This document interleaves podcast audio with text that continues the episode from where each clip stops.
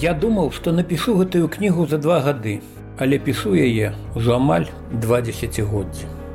Владимир Орлоў, імёны свабоды.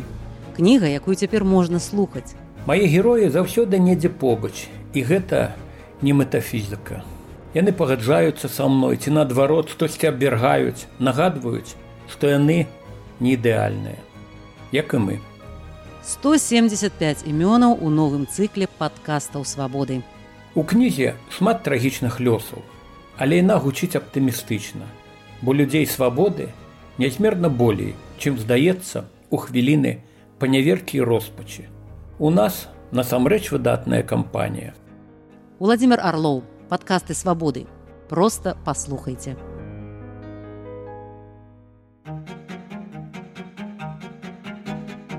Вы думаеце, гісторыя ведае ўсяго аднаго прэзідэнта беларуса. Мае героі рашуча запярэчыць. Першым будзе Миколай Судзілоўскі. Нават пачатак жыццёвага шляху выдаваў у садзілоўскім асобу неардынарную і свабодалюбную вывучаючы медыцыну ў кіеве ён звязваецца з народнікамі наведвае швейцарыю каб пазнаёміцца з ідэолегам народніцтва пятром лаўровым і тэарэтыкам анархізму михаілам бакуніным неўзабаве разам з іншымі рэвалюцыянерамі судзілоўскі здзяйсняе сваё хаджэнне ў народ у херсонскай і самарскай губернях Але тамтэйшы народ глядзеў на агітатара з недаверам і дзяліўся ўласнымі сумневамі з паліцыяй. У выніку чаго недаўні студэнт апынаецца на эміграцыі. У Бухарэсце ён піша дысертацыю ў галіне хірургіі, адначасова займаючыся пастаўкамі зброі балгарскім паўстанцам Хрыста Боцева. Пасля падрыхтоўкі в адной з рэстарацый у румынскай сталіцы банкету ў гонар дзесяцігоддзя парыскай камуны, няўрымслівы беларус, ратуючыся ад паліцыі, трапіў в Амерыку. За акіянам ён выславіўся тым, што вылечыў сотні безнадзейна хворых і падаў суд на прадстаўніка расійскага свяшчэннага сінода, алеуцкага і аляскінскага епіскапа Владзіміра, абвінаваціўшы таго, у карупцыі амаральнасці. Апынуўшыся на гаваях, Судзілоўскі салідарызуецца з прыхільнікамі іх незалежнасці ад ЗША і здабывае як лекар і палітык такі аўтарытэт, што беларуса выбіраюць сенатарам, а затым і прэзідэнтам гавайскіх выспаў. Расійска-японская вайна прывяла экс-прэзідэнта гавайскай рэспублікі ў краіну ранішняе сонца, дзе ён спрабуе стварыць з палонных расійскіх салдатаў рэвалюцыйную армію і рушыць з ёю на петербург. Мудра адмовіўшыся пазней ад настойлівых прапановаў новых бальшавіцкіх уладаў вярнуцца на радзіму былы рэвалюцыянер і прэзідэнт стаў вядомым у свеце вучоным сябрам амерыканскай асацыяцыі генетыкаў і нацыянальнага геаграфічнага таварыства. Ён завяршыў сваё доўгае жыццё ў кітаі пакінуўшы уласнаручна складзеную эпітафію хіцыяцыт люмпаціус вагабундус што ў перакладзе з лаціны азначае тут ляжыць вандроўны жабрак нягледзячы на такую сціплую самаацэнку садзіловскаму прысвечанае мноства нарысаў артыкулу і кніг у розных краінах у тым ліку двухтомавая манаграфія ў японіі а таксама мастацкая біяграфія у італіі. Блізу дзясятку празаічных і паэтычных твораў пра нашага першага і апошняга прэзідэнта гаваяў налічвае айчынная літаратура пасля таго як у супрацьвагу так і непрыручанаму ўладай саюзу беларускіх пісьменнікаў у краіне быў створаны новы чесны і пральны саюз не меншая колькасць твораў нібыта мусіла нарадзіцца і ў гонар першага прэзідэнта беларусі але нават чеснае і адданае кіраўніцтво майстры прыгожае пісьменства чамусьці забуксавалі.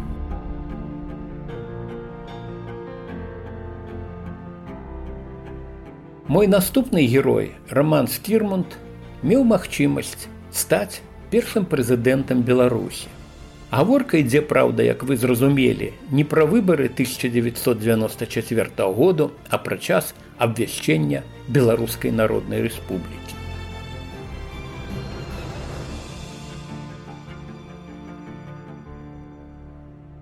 Прыехаўшы пасля навучання ў заходняй Еўропе ў родны маёнтак, раман хутка зарэкамендаваў сябе чалавекам, каго цікавіць не столькі ўласная гаспадарка, як лёс краю. З трыбуны расійскай дзяржаўнай думы ён, дэпутат ад менскай губерні, выступаў за пашырэнне сялянскага землеўладання, але рашуча бараніў прыватную ўласнасць на зямлю.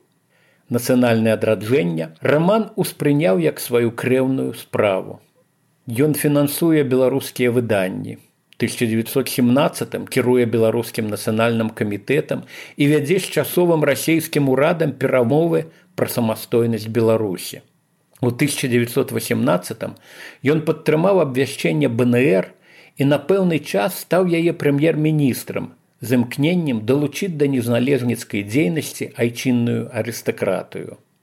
У лістападзе таго з году у складзе надзвычайнай дэлегацыі скірмун дамагаўся прызнання незалежнасці Беларусі ў нямметчыне і швейцарыі. Бальшавікі мелі яго за ворага, беларускія сацыялісты называлі кансерватарам. Пасля рыскай дамовы паміж польшчай савецкай рассеяй ён вярнуўся ў сваё заходнебеларускае парэчча і скіраваў энергію на эканамічныя рэформы. Заробку мужчыны, які працаваў у скірмунта, хапала на ўсю сям'ю, і жонка магла прысвяціць сябе дзецям. У верасні 1939 нейкі абібок прыбег у парэчча з весткаю, што набліжаецца цягнік з савецкімі салдатамі. Пахапаўшы чырвоныя сцягі, дзесяткі два галаштанцаў кінуліся сустракаць гэтых званых вызваліцеляў, але на цягніку ехалі палякі. Афіцэр загадаў расстраляць здрайцаў. Нехта паспеў паклікаць пана скірмунта. Каб уратаваць селянаў, той укленчыў перад афіцэрам можна ўявіць, чаго гэта каштавала 70гадоваму арыстакрату. У краіне саветаў, дзе праз колькі дзён апынулася парэчча гонары годнасць патомнага шляхціча незалежніка мелі свой кошт. Для вырашэння лёсу рамана скірмунта новая ўлада склікала вясковы сход. Насуперак волі камісара холадава селяне выказаліся за тое, каб пакінуць пана жывым і на волі. Тады камісар, под выглядам адправы з кірмунта на допыт у раён даручыў некалькім надзейным таварышам з мясцовых жыхароў завесці ворага народу ў лес і ліквідаваць. З кірмунта расстралялі. Ён не сканаў адразу і забойцы тыя, каго пан раман у неўраджайныя гады ратаваў ад смерці дармавымі харчамі дабівалі ахвяру камянямі. Дакументы сведчаць, што ў 1939 сорокавым годах Пры розных абставінах загінулі ўсе мужчыны з роду скірмантаў, якія апынуліся на савецкай тэрыторыі. У 2018 важкім томам выйшла даследаванне доктара гістарычных навук Алеся Смаленчука Раман Скірмонт, жыццяпіс грабадзяніна краю. Кніга на новым узроўні засведчыла маштаб гэтай асобы. Трапіўшы ў прагу, дасведчаны беларускі падарожнік абавязкова наведае адзін з яе найбуйнейшых некропаляў альшанскія могілкі. Паміж шахтоў надмагільных помнікаў, белым генералам і казацкім палкоўнікам паўз месца апошняга прыстанку маці владзімера набокова утравелая сцежка прывядзе да плітаў з надпісамі па-беларуску. Тут пахаваныя старшыня рады БНР Васіль Захарка з жонкаю і геніальны оперны тэнар Міхал Забейда Суміцкі. Непадалёку праваручат праваслаўныя царквы пад помнікам з пагонію спачывае прах яшчэ аднаго старшыні рады Беларускай народнай рэспублікі Пётры Крачеўскага. У 1917 ён выпускнік віленскай духовнай семінарыі, потым настаўнік, банкаўскі службовец і вайсковец бярэ ўдзел у першымся беларускім з'ездзе і абіраецца сябрам яго выканкаму. Праз два гады Крачеўскі ўзначалі ўраду БНР, што ў тых палітычных умовах прывяло да непазбежнай эміграцыі. Спачатку ў літву, а затым у Чехаславатчыну. Пётра знаходзіўся ў ліку палітыкаў, якія выступілі супраць пастановаў берлінскай всебеларускай канферэнцыі. Там, нагадаю, Менск быў прызнаны адзіным цэнтрам нацыянальна-дзяржаўнага адраджэння Беларусі і прагучаў заклік вяртацца ў савецкую Беларусь.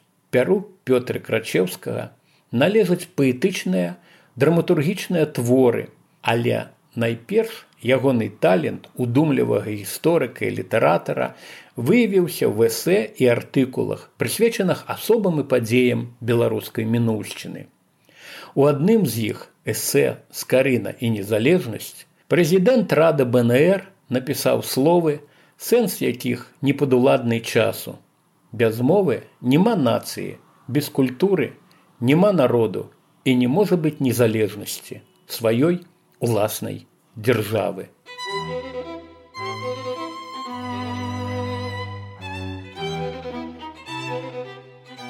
Вы памятаеце? Прага альшанскія могілкі. Там сама знайшоў апошні прыстанак яшчэ адзін наш прэзідэнт Васіль Захарка.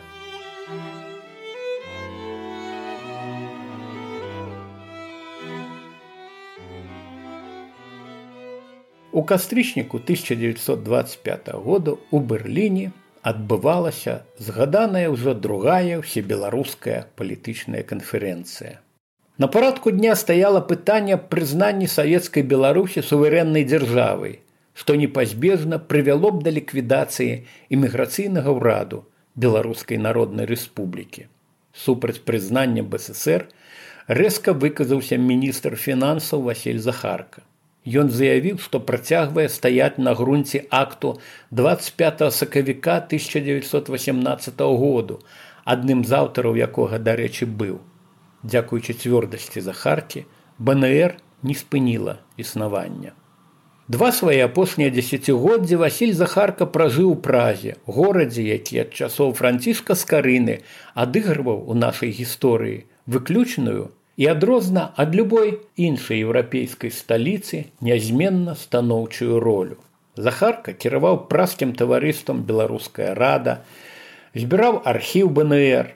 Ён выкарыстоўваў любую нагоду для зваротаў у лігу нацыяў і дыпламатычныя прадстаўніцтвы, каб паведаміць чалавецтву пра здзекі злачынствы, што чыніла ў Беларусі бальшавіцкая ўлада у 1928 годзе пасля смерти пётра крачеўска захарка заняў пасаду старшыні рады бнр ды заставаўся ім да сакавіка 1943 -го. тады уже на божай пасцелі ён паводле тэстаменту здаў паўнамоцтвы міколу абрамчыку. Гестапа забараніла выступаць над магілай захаркі з прамовамі. Калі не гледзячы на гэта абрамчык сказаў развітальнае слово прадстаўнік акупацыйнай адміністрацыі загадаў засыпаць дамавіну. Самлелую у той момант ларысу геніюш выносілі складоў на руках спевак міхал забейда суміцкі і былы слуцкі паўстанец василь русак.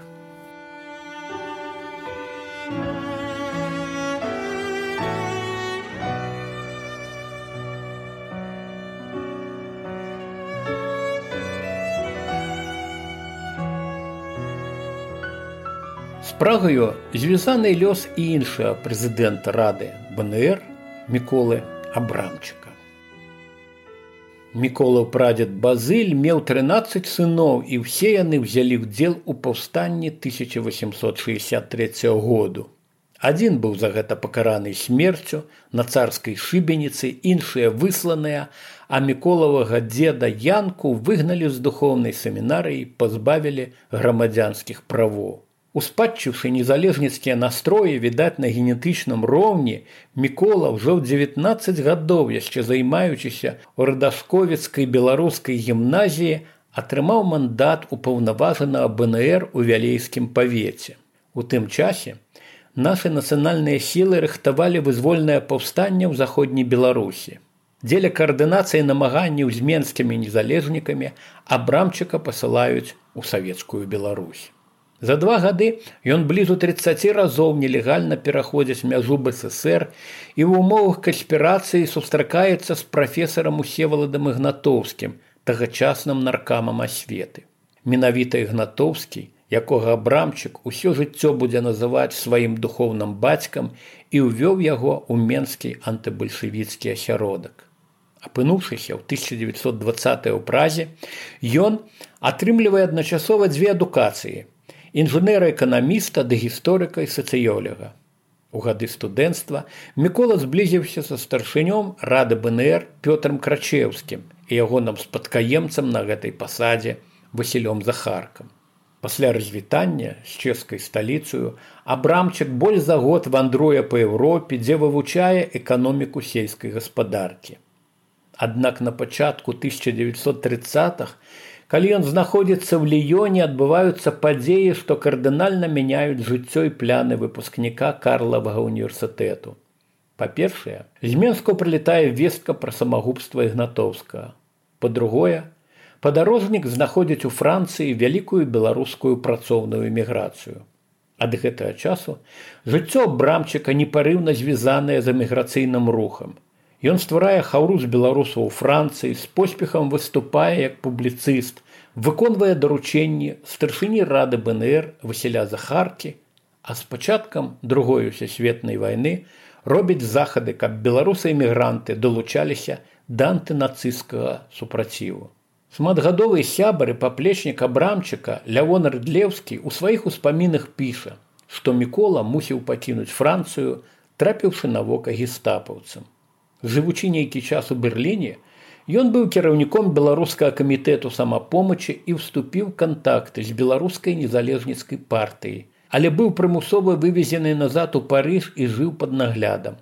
Тым не менш не пакідаў беларускай справы. У прыватнасці, чакаючы вызвалення ад нацыстаў падрыхтаваў шэраг звернутых да саюзнікаў мемарандумаў пра трагічную сітуацыю беларусаў у ССР.